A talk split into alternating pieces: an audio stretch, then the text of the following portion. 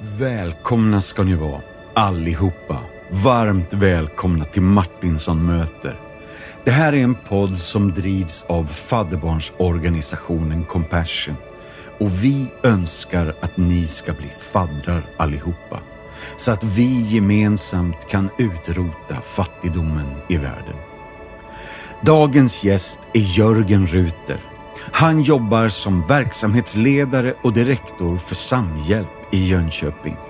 Jörgen är en riktig skogsmulle som gärna paddlar kajak i Guds vackra natur. Han blev tidigare i år vald till månadens Jönköpingsbo och Samhjälp blev väldigt uppmärksammat i både tidningar, tv och radio på grund av att de var en av de första organisationerna i Sverige som nådde in med hjälp i Ukraina efter krigsutbrottet. Jörgen har själv varit där vid fronten och berättar för oss om det han mötte där. Återkommande i dagens podd är varje människas möjlighet att leva för något större och att få se Guds under i vardagen. Dagens podd är en livepodd som spelades in i augusti på Bottnerydskonferensen. Varsågoda hörni, här har ni Jörgen Ruter.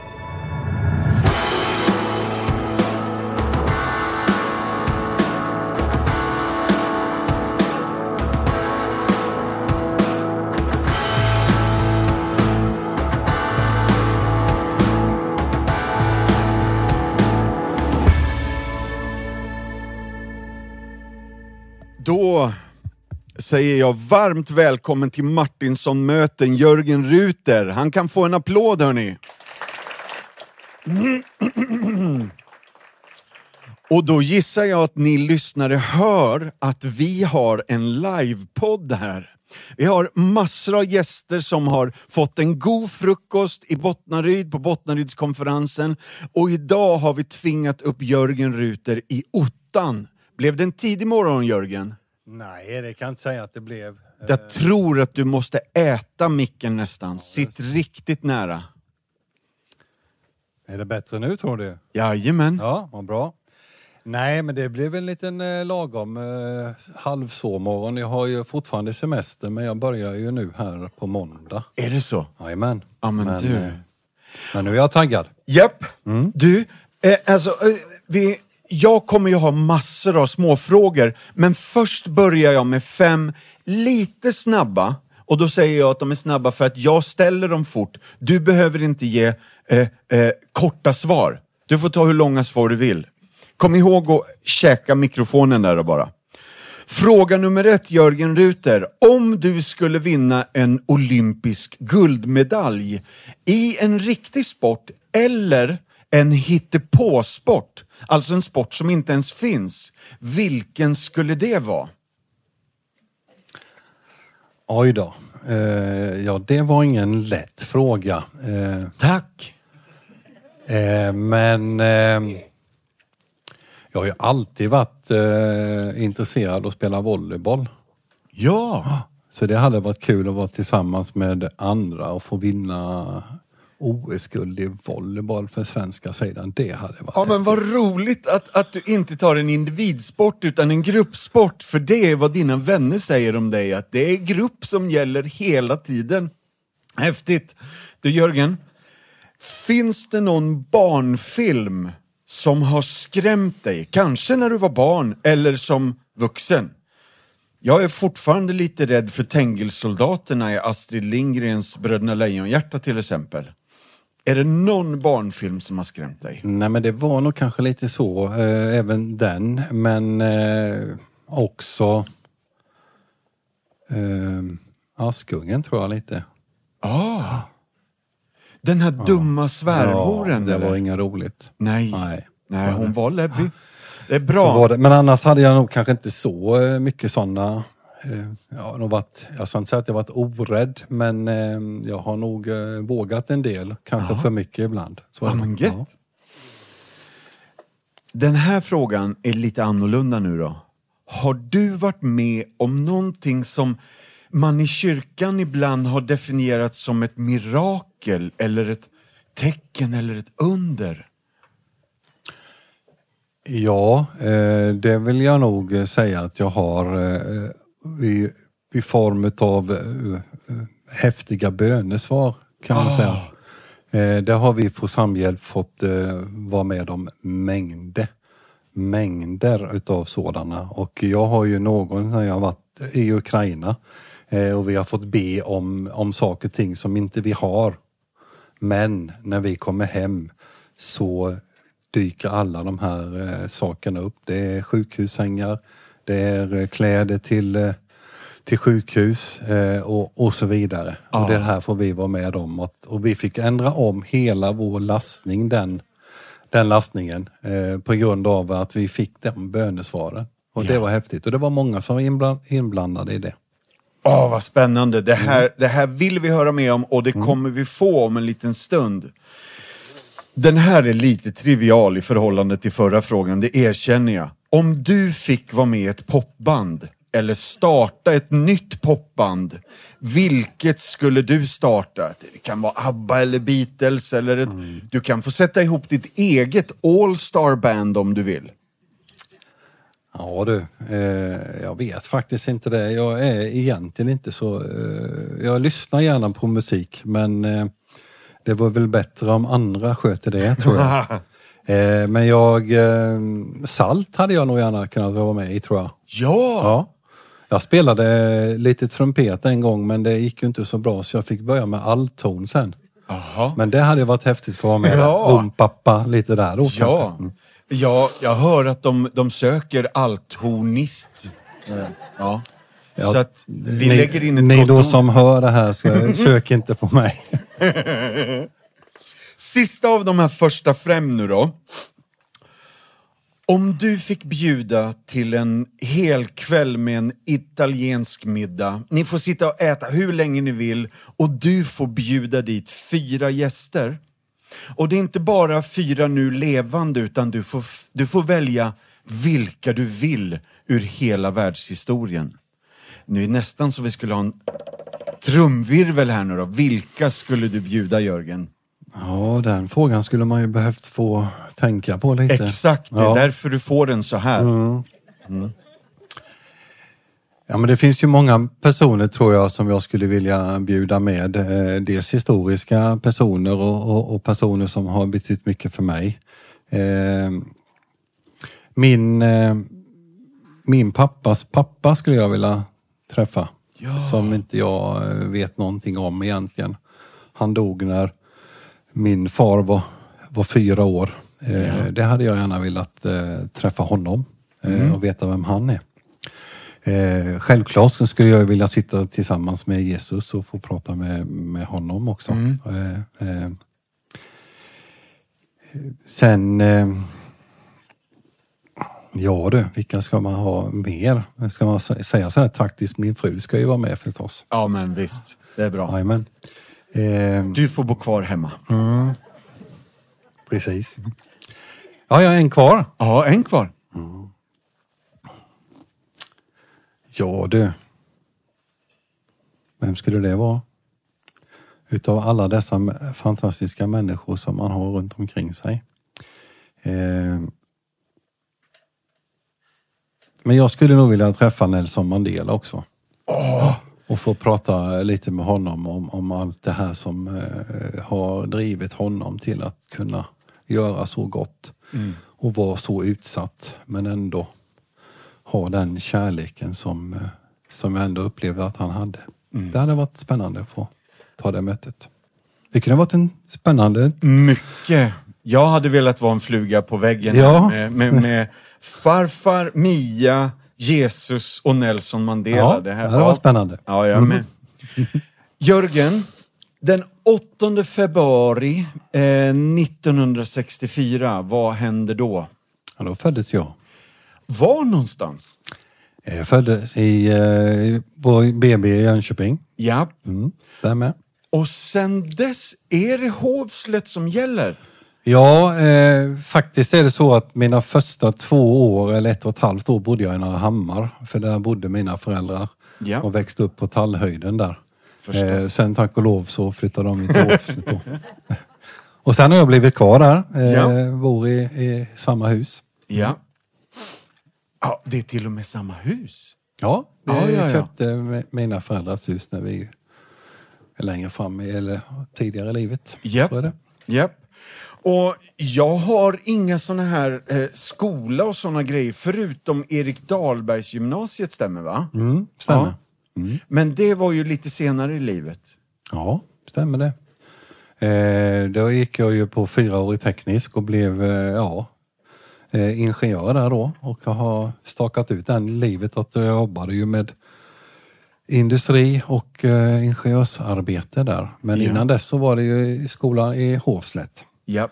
och eh, faktiskt eh, några år på Råslätt, Ja men du. Stadsgårdsskolan där. Ja. Det- På den tiden så gick vår, eh, våra barn då till eh, Stadsgården i Råslätt.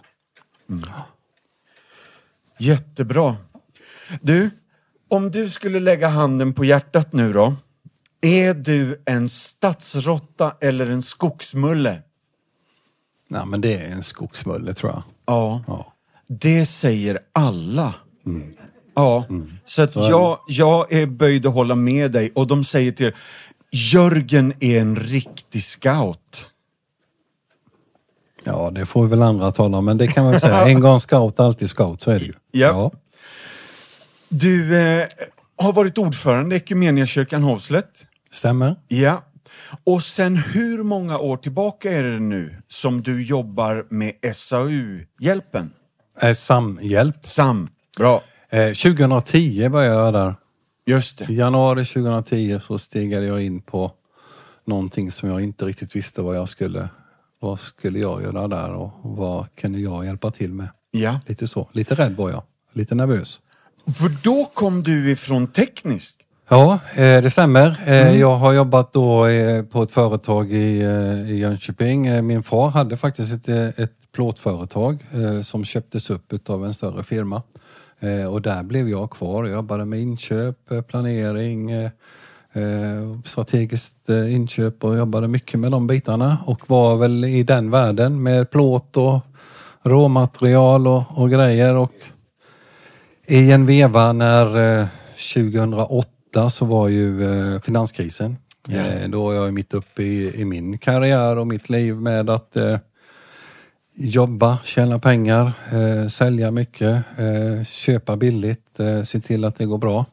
Eh, var väl en ganska, ganska svår och jobbig situation för jag upplevde att jag, det spelar ingen roll vad jag gjorde så var det inte tillräckligt. Nej. Eh, så att eh, där eh, någon gång sa jag att det här kan jag inte hålla på eh, med. Och för att göra den där historien kanske lite kort så eh, oktober 2008 så, eh, så hade jag, ställdes jag inför en, en möjlighet att få förbön och fick det. Eh, och då pratade jag med en av pastorerna efter som hade bett för mig. Som säger, jag ser dörrar stängas, jag ser dörrar öppnas.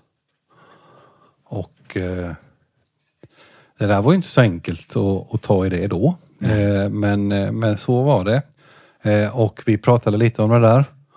Och i början på januari 2009 eller någon gång januari, februari 2009 så blev det så att eh, eh, där jag jobbade, och den avdelningen skulle man lägga ner och då stängdes den här dörren. Ja. Eh, Och då blev jag arbetslös här sen i september 2009.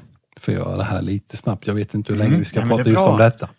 Men eh, då Innan det också så hade vi ju eh, haft lite samtal med eh, den pastorn som jag pratade med då. Eh, evangelist på Ekumenia kyrkan.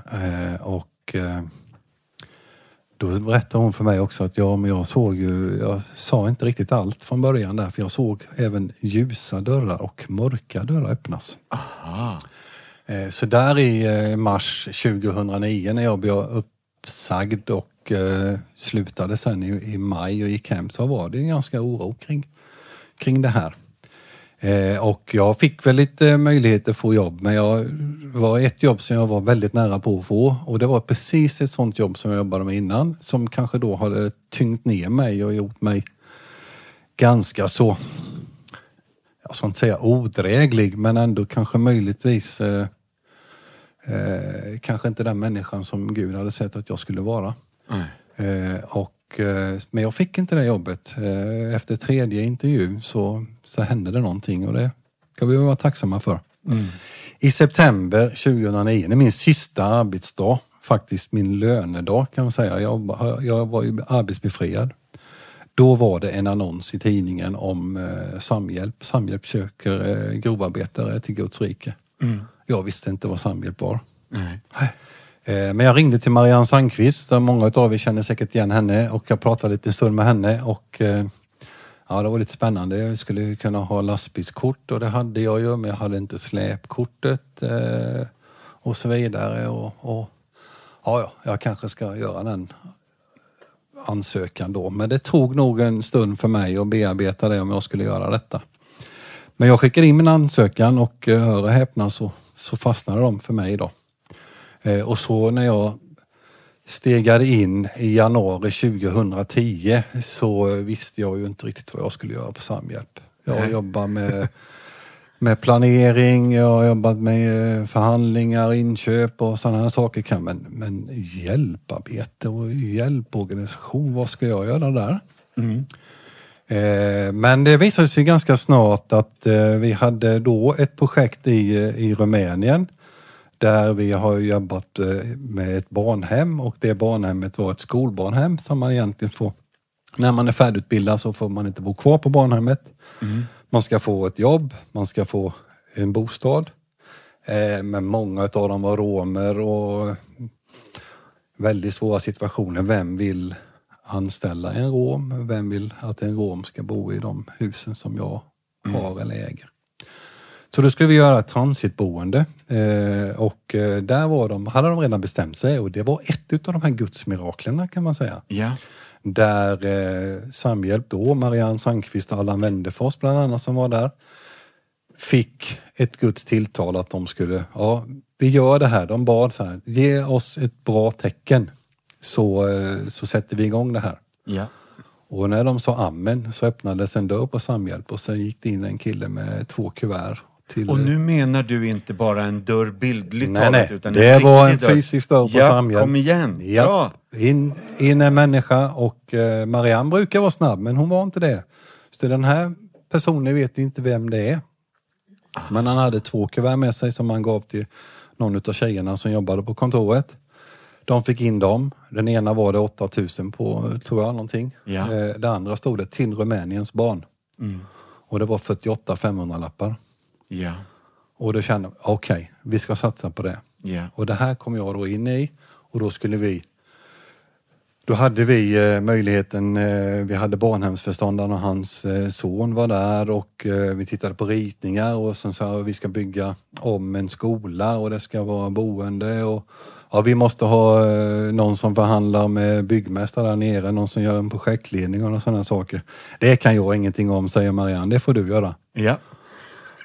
Och jag sitter som en fågelholk, du vet. Ja. Ja men det är ju detta jag har jobbat med. Ja. Kom igen. Och då insåg jag att Gud kanske kan använda mig och mina kunskaper på ett helt annat sätt.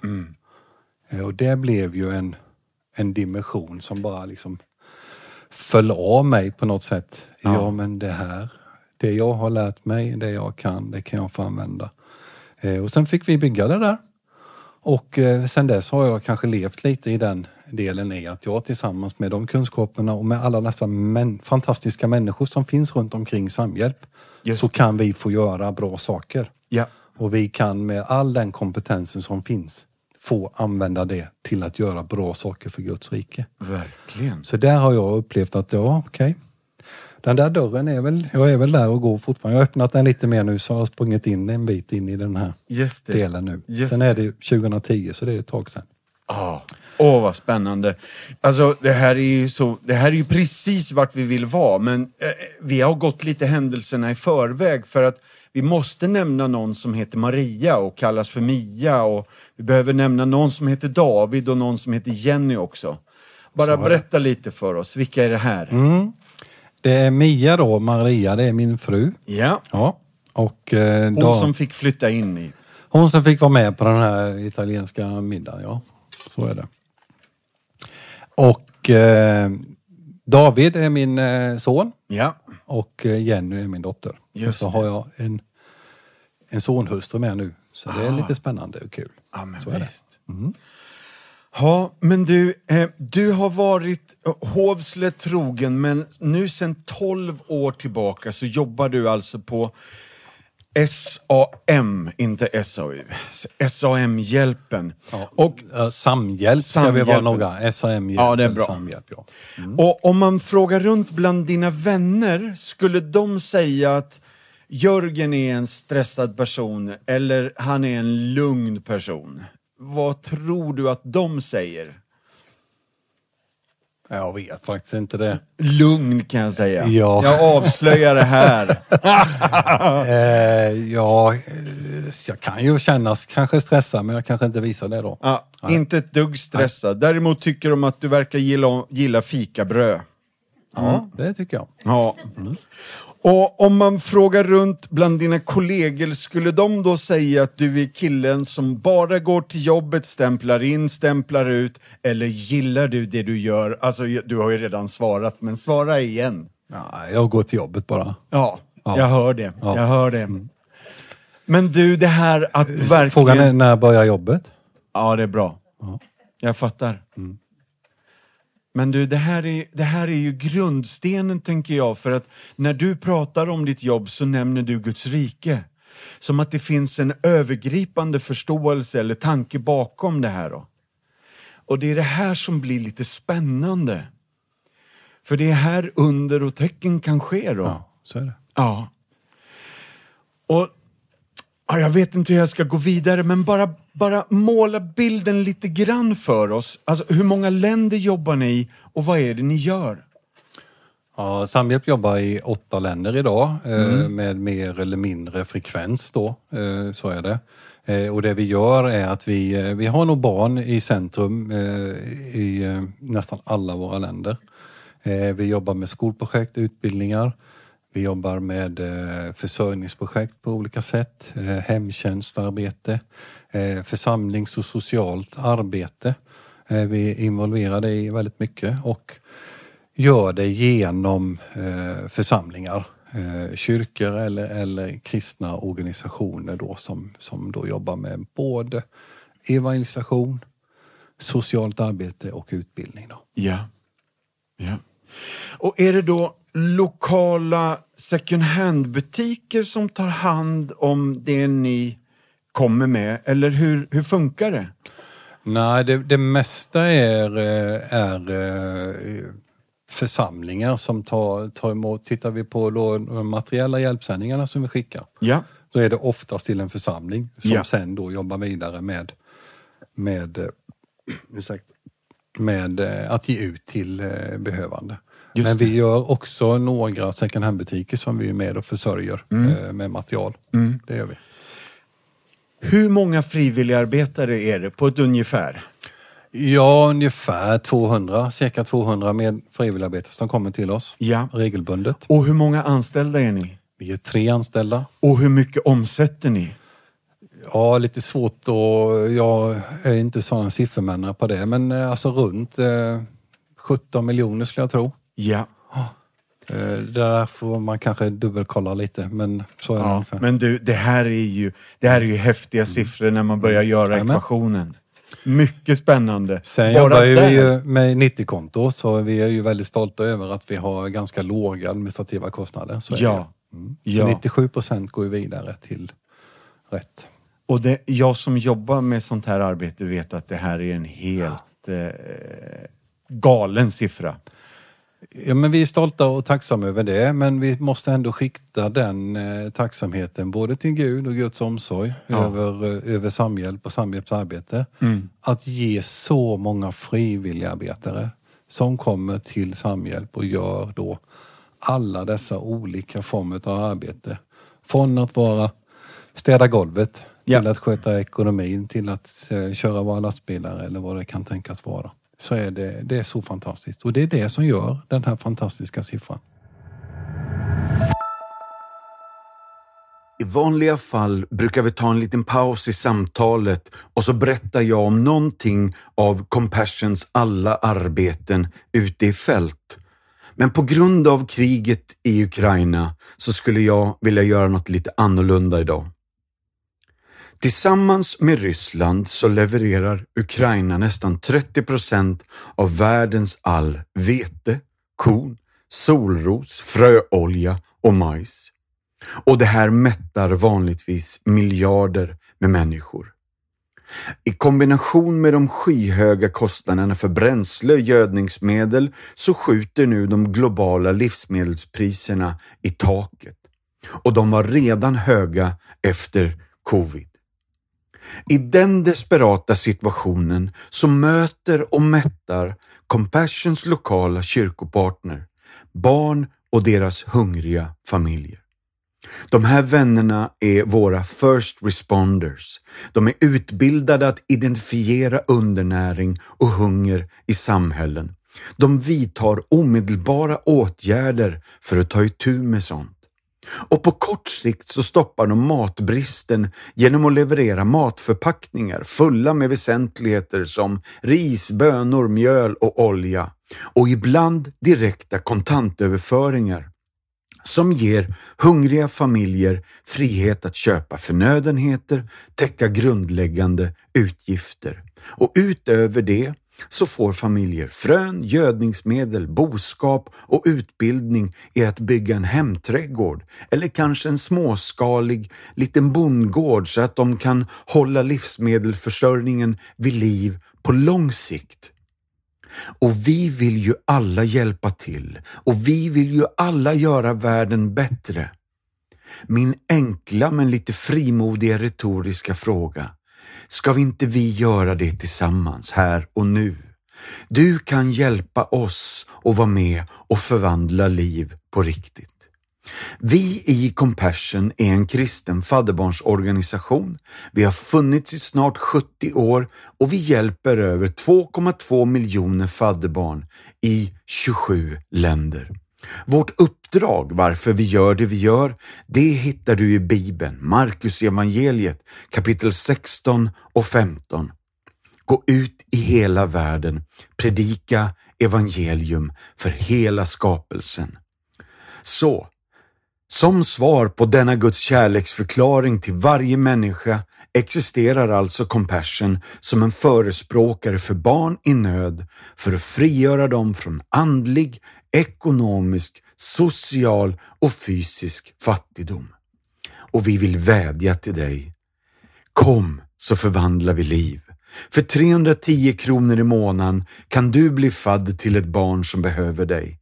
Gå gärna in och skriv upp dig direkt på vår hemsida www.compassion.se Du, jag tror att vi närmar oss vad som hände i slutet av februari 2022. På bara några timmar så vet hela världen att ett krig är stundande i Ukraina. Och på bara några timmar har ni en lastbil på väg. Ja, det stämmer. Mm. Eh, ja, vi, eh, vi har ju som sagt haft arbete i Ukraina i, i många år, sedan eh, 90-talet. Ja. Eh, så vi har haft inarbetade kontakter och eh, faktum är det så att vi hade haft kontakt med våra vänner eh, långt innan för media var ju ganska påpassade och frågade oss om, om hur situationen är i Ukraina. Ja. Och man var väl, kan inte säga att vi var inställda på att det skulle hända något men, men lite så. Mm. Eh, så att eh, veckan innan, faktiskt på måndagen där, eh, samma vecka, så hade jag ett långt samtal med vår vän Juri eh, Voloshin som bor i en stad i, eh, i Berdyshev som ligger ungefär 20 mil sydväst väster om eh, Kiev, så inne i den västra delen. Ja. Eh, de hade då pratade vi om att eh, ja, vi förstår att det kommer hända någonting men oron är ju eh, både corona, eh, ekonomiska krisen men sen har vi faktiskt haft krig i Ukraina då redan i åtta år. Mm. Så på de vis så, så var det ju vi som började se alla det här hotet som var. Eh, Just det. Så då hade de eh, inventerat och sagt att vi behöver ju kanske hjälpa till med internflyktingar för det hände någonting nere i, eh, i de östra delarna. Mm. Så vi hade bestämt att vi skulle skicka en hjälpsändning eh, två veckor senare. För då hade vi pratat Okej. med Ukraina Ja. och så vidare. Eh, när den 24 kom eh, så, så är det ju en eh, omvälvande. Jag vet inte riktigt vad som hände med mig men eh, jag är lite till åren med så att man, ibland behöver man ju gå upp och, och, och göra saker som man behöver göra på natten. Eh, och, eh, så jag vaknade väldigt tidigt och såg nyhetsflasharna eh, Ja. om att kriget hade startat så att jag kunde ju inte gå och lägga mig igen. Och då tog jag kontakt med Jori, så vi hade ju kontakt på morgonen där den 24. Han är också lite till åren så han var uppe ändå. Ja, de är ju en timma före oss också. Ja. Ja. Ja. Eh, ja, vi är faktiskt jämngamla. Ah. Eh, och eh, eh, så att eh, det var ju, så i bilen så körde jag in till jobbet så pratade vi. Ja. Eh, och när jag kom till jobbet så, så var ju jag själv där förstås då på morgonen. Sen kom de andra in och då satt jag och pratade med Jori och vi hade livesamtal med honom. Alltså via, Ja. via de kanalerna, sociala medier där och vi fick prata, gråta, Ja. eh, säga att vi, eh, vi kommer skicka hjälpsändning. Ja. Vi vet inte, då visste vi inte hur situationen skulle vara så vi, vi sa det att vi fick se den här fantastiska människan eh, och säga att vi ber för er, vi ber för ert land, vi kommer vilja hjälpa er på något sätt. Vi vet inte om vi kommer ha kontakt. Mm. Eh, men eh, om det nu slutar kontakterna så vänta på en bil, det kommer. Vi kommer hjälpa till bara vi kan. Och så fick vi be tillsammans och fick lägga på och sen började vi arbeta. Ja. Och eh, då hade jag kontakt med en ukrainsk åkare som vi har haft kontakt med under många år. För En- det är någon en- lastbil från Gävle. Då är, då är han, jag säger jag är i Gävle, jag är Ja. helt förtvivlad, jag måste hem, jag får inte tag i någon färja eh, och jag har last ifrån Gävle. Eh, ja men jag ska hjälpa dig med färja, så jag. Och, eh, vi har ju en hjälpsändning, när kan vi ta den? Ja, jag vet inte, nu måste jag hem till mina familj, mina barn Ja. och så vidare. Ja, men gör det. Så att eh, jag la på, men det dröjde inte mer än fem minuter så ringde han tillbaka. Så jag har fått kontraorder. Ja. Eh, jag måste lämna tillbaka min last, jag får inte ta in den till Ukraina. Men då sa jag, du är du tom. Ja, då kommer du till oss så lastar vi dig. Yes. Så på torsdagskvällen så kom han eh, till oss och på fredagmorgonen så lastade vi den lastbilen och fyllde med den med allt det som vi hade fått in. Tömde all mat och allt möjligt vad vi bara kunde ha och såg Ja. till att vi skickade iväg det här. Eh, så på den fredagen så gick första lastbilen in. Eh, och när då vi fortsatte ju ha kontakt med våra vänner. Eh, när jag fick de här bilderna och jag fick se live när den här lastbilen kom fram. Ja. Eh, de öppnade upp de här sidorna och fick börja lasta av. Då grät jag. Ja. Av Guds tacksamhet, av eh, att vi på något vis kan få vara med. Ja. Sen har vi skickat eh, 17 eller 16 transporter till. Just det. Du har själv varit nere vid polska gränsen. Ja, det stämmer. Kan du bara hjälpa oss med några, om du målar några bilder för oss? Vad såg du? Vad var du med om? Hur upplevde du det? Eh, då när vi åkte, det det här var ju en månad in, eh, runt den 24 tror jag, mars, så var jag då vid gränsen och då hade vi etablerat den här kontakten innan, så vi hade varit nere med en transport innan på gjort samma vis via våra kontakter i Polen då. Eh, och eh, jag möts utav en ganska tom eh, gränsstation. Eh, vi var där väldigt tidigt på morgonen. Eh, fick lämna våra pass och grejer och sen fick vi köra in i Ukraina då. Ja. Och sen ställde vi upp vår lastbil. Eh, det här var nog klockan sex på morgonen. Eh, och eh, då kom ukrainska eh, småbilar, eh, minivänner och en liten lastbil och ställde sig runt vår lastbil och sen fick vi då krama om de här fantastiska ukrainarna. Eh, och sen började vi lasta. Och så lastade vi av hela vår lastbil och, och gjorde det. Och under tiden så såg vi att det började komma folk, mammor, barn, en del äldre pojkar, eh, kanske tonårspojkar, eh, på väg ut, vandra med en kasse, kanske en Ja. ryggsäck Ja. och ställa sig mot gränsen som det var. Jag har aldrig, aldrig sett gående människor vid gränsen innan eh, på det sättet. Det var, eh, det var overkligt att se. Och få, få den känslan av maktlöshet som jag tror det ligger mycket i det. Och kanske man kan förstå det här ödet av att eh, man har kramat om kanske pappa eller någon annan närstående precis innan man börjar gå in mot gränsen. Och man vill rädda sin familj då och sen åker han tillbaka Ja. in. Eh, Så det var, det var overkligt att förstå. Men vi såg också folk som började faktiskt redan då gå tillbaka Just lite. Det. Just det. Och det har vi ju då eh, under den här tiden vi har haft kontakter med våra vänner i Ukraina. Eh, många utav, några utav er här vet jag som sitter i rummet i, i vår livepodd nu då. Eh, har varit i Ukraina och sett och träffat och vet vilka människor jag pratar om. Just det. Eh, där de har fått göra fantastiska saker. Vi har varit då i, i ett ställe i Ukraina eh, och delat ut material. Men nu under själva den här perioden så är det så att vi har ju nått i princip hela Ukraina med det materialet som vi har skickat in. Tillsammans med våra vänner i Polen har vi skapat nya kontakter.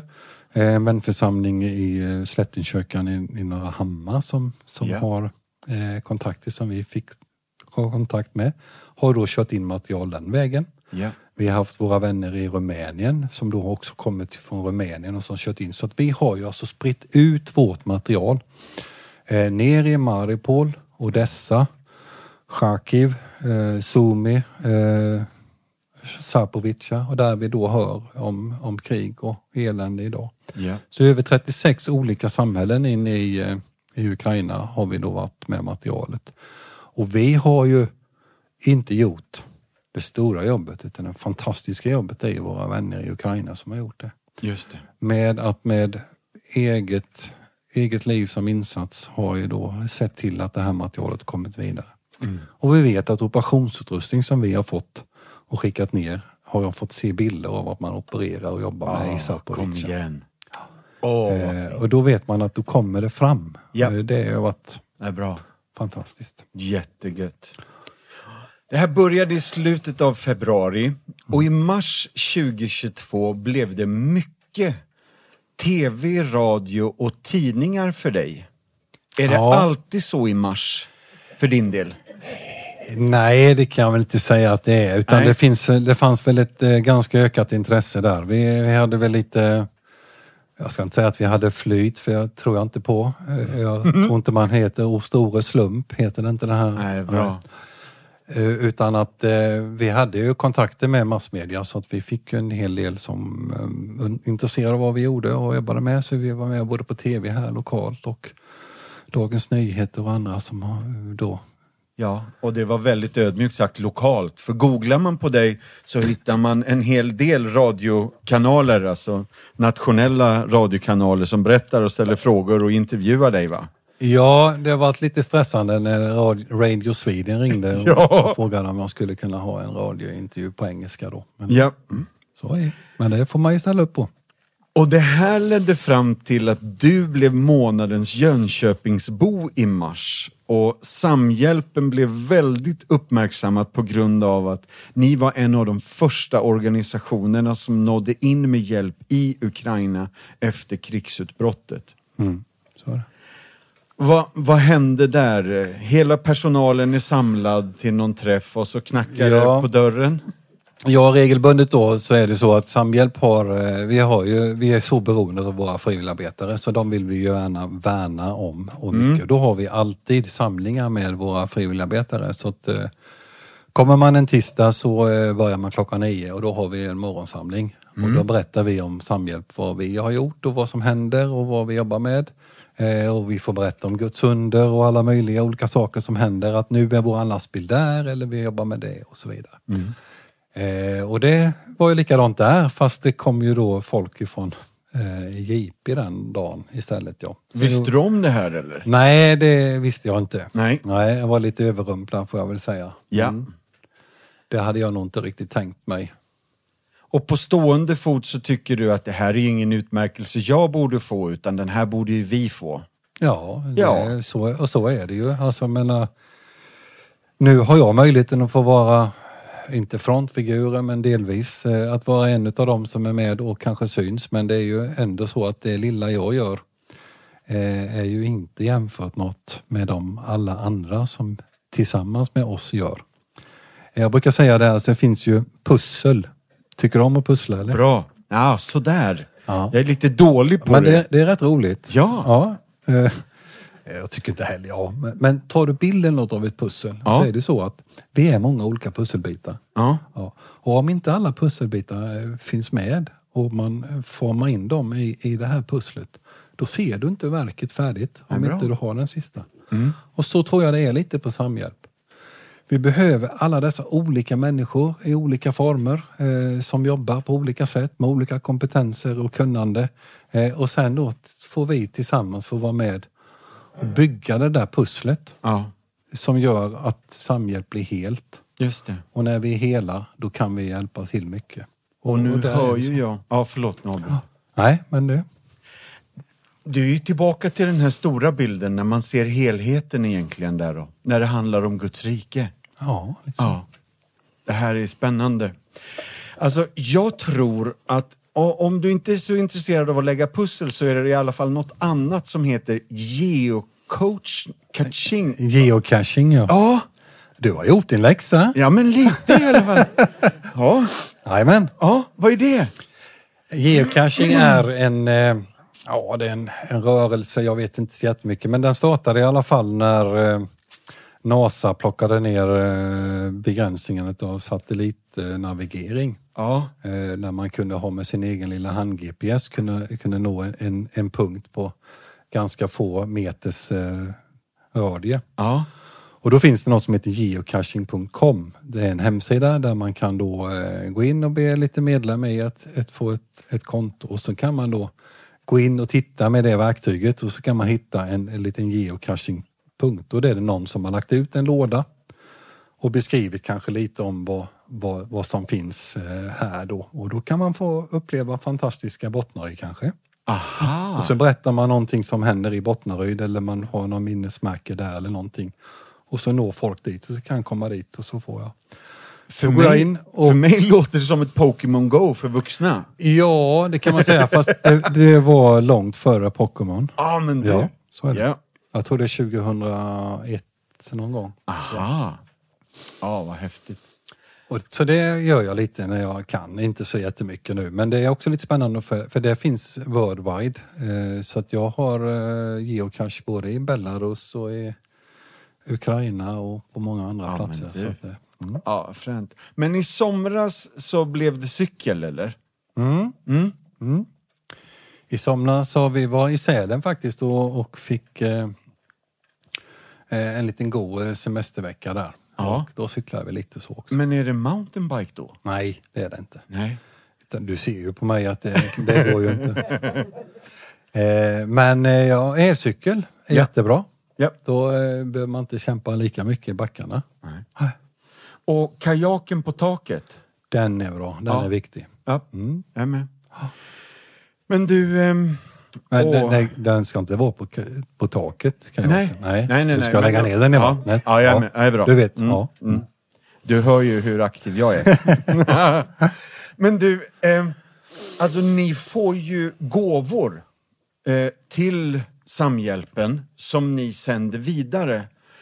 Och ibland kanske man får gåvor av saker som folk inte tycker sig vilja ha längre eller behöver längre. Men metallindustrin skänker ibland såna här gamla metallskåp, de här höga. Och då blir du glad och tänker att Östeuropa behöver fler metallskåp. Ja, men så är det ju. Stämmer men det? Jag är en gammal metall... Jag vet vem du har pratat med nu. Aha! Ja, men lite metall tycker jag, sen Ja. min tid, så är det lite spännande. Nej men det, ta, ta metallskor. Men det, det som är så fantastiskt är ju att saker och ting, om man tar second hand då, saker och ting är det så att någon annan inte vill ha. Det, det vill jag slänga och då kan man lämna in det. Och sen är det faktiskt någon annan som vill ha det. Ja. Det jag inte vill ha, det vill någon annan ha. Ja. Eh, och så kan det vara med metallskåp med. Ja. Jajamän. Nej men det var, den var faktiskt med i en av de här gudsunderna jag pratade om från början. Ja. Eh, när eh, vi var i Ukraina så, eh, det här var 2012 eller 14, det, så det är ett tag tillbaka. Eh, men eh, då, eh, då var vi hos regeringen i princip och pratade med dem. Och då säger de att de ska göra massa vårdcentraler som är ute och då behöver vi lite olika skåp och, och för våra anställda och annat sånt här. Och sen var det då sjukhusmaterial och det var ett sjukhus som vi var och gick på som saknade massa kläder. Eh, och det här fick vi be om. Och eh, på tre dagar så fick vi tre samtal. Dels var det sjukhusmaterial. Det var sjukhuskläder och så ringde de från Rehov och sa att vi håller på att göra om. Vi har massa omklädningsskåp. Vill ni ha dem? Så jag var där med lastbilen och hämtade två omgångar med, med metallskåp. Så då, det, det tyckte jag om. Jättehäftigt. Det här är så spännande att höra om. Eh, Jörgen, jag vet inte vem du jämförde med, men om jag ska jämföra dig med Moder Teresa eh, eller till exempel eh, sångaren i Youtube, Bono, han som på något sätt så tydligt sätter allt fokus på att hjälpa andra. Då är du i alla fall idag i Martinsson möter det närmsta vi kan komma en sån hjälp. Ja, då får Eh. jag vara ödmjukt tacksam för det om jag får de jämförelserna. Ja. Ja, men du, om den här podden Martinsson möter, vi är ju en fadderbarnsorganisation som försöker hjälpa fadderbarn i 27 länder. Vi försöker hjälpa 2,2 miljoner fadderbarn och mellan varje fadder och varje fadderbarn så finns det ju över 8000 lokala församlingar. Om jag skulle ställa den här lilla frågan till dig, hur ska vi utrota fattigdomen i världen? Och nu var jag lite ironisk så alla förstod det, att det jag menar inte att det är en liten fråga. Där har vi inte löst den. Den frågan. Eh, nej, men jag, ja, vad ska man svara på den? Men jag, jag tror faktiskt att eh, det finns en lösning på den. Ja. Och jag tror att det är alltså Guds kärlek måste komma in i alla människor. Gör den det. Och vi utgår ifrån det ordet. Eh, Och tar med den kärleken in vidare till alla våra människor. Då slutar vi bråka. Ja. Och då kan vi vara med och dela med oss av våra egen, egen, egendom som vi har. Ja. Och på det sättet tror jag att vi kunna ha ett mycket mer rikare liv tillsammans. Ja. Så Guds kärlek genom in i världen. Och därför vill vi vara med på olika sätt och förmedla det. Verkligen. Sen kanske det inte är så enkelt att lösa det mm, till alla, men vi måste jobba på det. Ja. Den jag kan möta och den du möter. Ja. Och där vi tillsammans får vara med och, och, eh, och ha med det, så tror jag det är en väg att gå. Verkligen. Så är det ju. Och sen är det ju så att vi var och en måste se på vad vi kan göra, vad jag kan göra. Eh, vad har jag vad har jag min, mina nära? Och vad är, vad är rikedom och vad är fattigdom idag? Ja. Du kan ju vara jätterik men fattig. Ja. Och jag tror att det är nog lite där vi måste hitta, att vi hittar rikedomen i, i vår människa på något sätt. Mm. Men det kan bli en podd om det här också. Du, det här är bra. Nu tycker jag nästan, det här är ju, närmar sig ju det, det är saligare att ge än att få. Apostlagärningarna, när de citerar Jesus där. Åh, vad fint. Du Jörgen, tack snälla för att du tog dig hit eh, eh, och att du valde att vara med i Martinsson möter. Vi är jättetacksamma för det du gör och det ni gör på Samhjälpen. Tack för att ni hjälper oss att hjälpa andra och gör så att vår värld blir större. Så att vi faktiskt kan vara missionärer, höll på att säga, utan att flytta hemifrån mm. så kan vi via er bli en missionshjälp som förändrar och förvandlar liv. Mm. Tack snälla för att du kom till Martin som möter. En varm applåd för Jörgen Tack. Ruter hörni. Tack att jag fick vara med.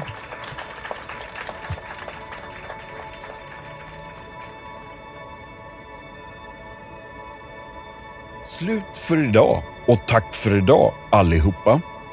Vill du veta mer om det som har pratats om i podden så har vi något på vår hemsida som heter Show Notes. Där kan du se alla länkar till sånt vi pratar om när vi refererar till en film eller en bok eller en sång. Då finns de länkarna där, så gå in på compassion.se så hittar du helt enkelt massa extra material. Tack, ha det bra, bye bye, hej då!